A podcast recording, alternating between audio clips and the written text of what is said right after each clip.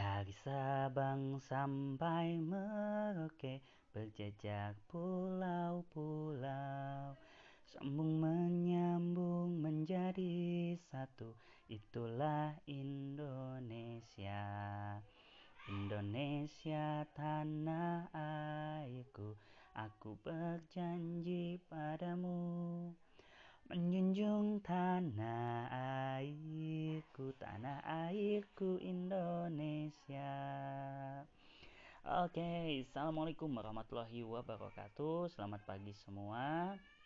Murid-murid Bapak yang hebat dan luar biasa. Alhamdulillah pada kesempatan hari ini kita bisa berjumpa kembali pada pembelajaran PKN belajar dari rumah menyenangkan ya. Pertama-tama kita buka dulu pembelajaran hari ini dengan bacaan basmalah bersama-sama Bismillahirrahmanirrahim. Ya. Baik, mungkin bertanya-tanya, Pak, kenapa tadi diawali dengan bernyanyi? Karena hari ini kita akan belajar tentang Negara Kesatuan Republik Indonesia. Setelah kemarin kalian belajar tentang hakikat NKRI itu apa sih? Mulai dari fungsi, tujuan, dan juga unsur-unsur negaranya.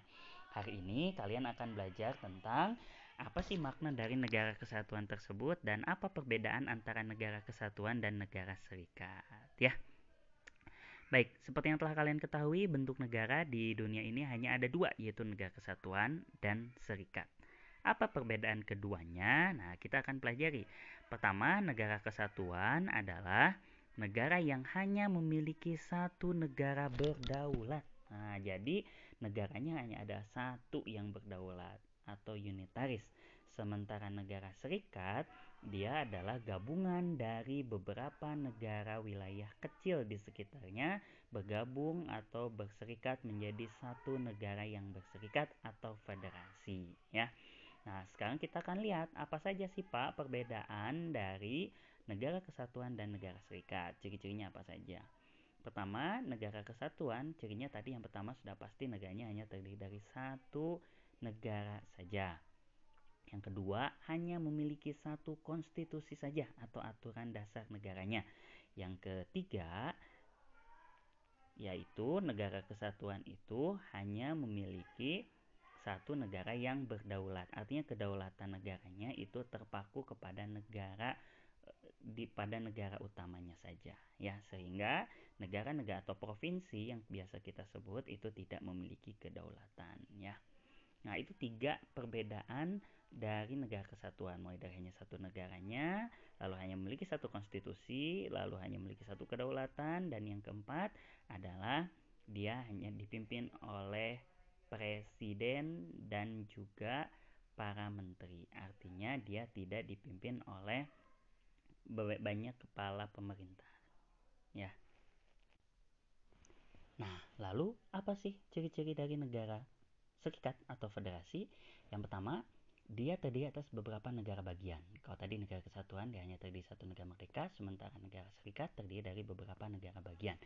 Yang kedua, dia juga negara bagian itu memiliki uh, hukum aturan undang-undangnya sendiri. Jadi negara bagian itu bisa membuat undang-undang namun tetap harus selaras dengan undang-undang yang berada di negara serikat utamanya. Jadi yang di pemerintah pusatnya tetap harus sama menginduk ke sana. Dan yang ketiga, dia dipimpin oleh kepala negaranya biasanya oleh perdana menteri, oleh raja, ratu gitu ya. Jadi dia tergantung kepada bagaimana kesepakatan antara dengan negara-negara bagian tersebut ya sehingga pemerintah pusat itu hanya istilahnya sifatnya mengontrol pemerintahan daerah namun tidak memiliki kendali penuh terhadap pemerintah atau negara bagian ya.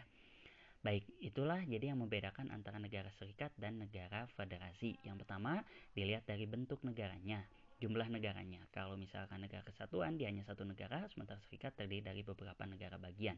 Yang kedua, dari segi konstitusinya, di negara kesatuan hanya memiliki satu konstitusi saja, sementara di negara bagian, di sementara di negara serikat, itu negara bagian bisa membuat aturan atau undang-undangnya sendiri.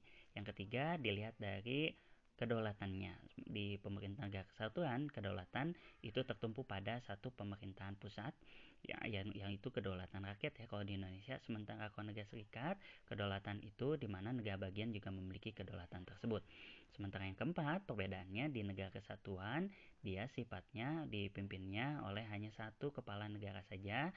Sementara di negara serikat kita kenal ada kepala negara dan juga kepala pemerintahan dipegang oleh orang yang berbeda ya Baik, nah lalu Indonesia apa sih Pak? Nah Indonesia berdasarkan pasal 1 ayat 1 Undang-Undang Dasar 1945 menyatakan bahwa negara Indonesia adalah negara kesatuan berbentuk republik ya. Sehingga negara kesatuan berbentuk republik. Sehingga sudah jelas bahwa Indonesia itu sudah final bersifat kesatuan yang tidak bisa diganggu gugat dan dirubah lagi tapi apakah pernah Indonesia menjadi serikat? Jelas pernah, yaitu pada 1949.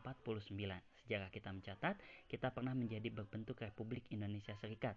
Namun tidak lama. Kenapa? Karena jelas bahwa bentuk negara serikat tidak cocok untuk negara Indonesia yang terdiri dari Sabang sampai Merauke karena sulit untuk mewujudkan bineka tunggal ika sehingga Indonesia dipandang tepat dan cocok menjadi negara kesatuan ya apakah di kemudian hari bisa berubah kembali menjadi serikat? Jawabannya tidak. Kenapa? Karena bentuk negara kesatuan sudah tertera di dalam Undang-Undang Dasar tidak bisa dirubah lagi ya sehingga Indonesia tetap berbentuk negara kesatuan ya.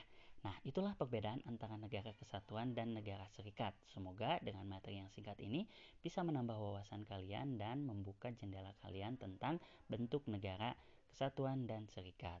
Nah, untuk lebih memahami materi kali ini, kalian akan mengikuti games berkaitan dengan Negara Kesatuan Republik Indonesia. Gamesnya apa? Tentunya akan menguji kekompakan dan kesatuan di antara anggota kelompok kalian. Baik, dipersiapkan diri kalian dan kelompok karena gamesnya akan dimulai sesaat lagi di grup WhatsApp. Terima kasih untuk pembelajaran hari ini. Semoga bermanfaat. Kita jumpa lagi di pertemuan selanjutnya. Wassalamualaikum warahmatullahi wabarakatuh.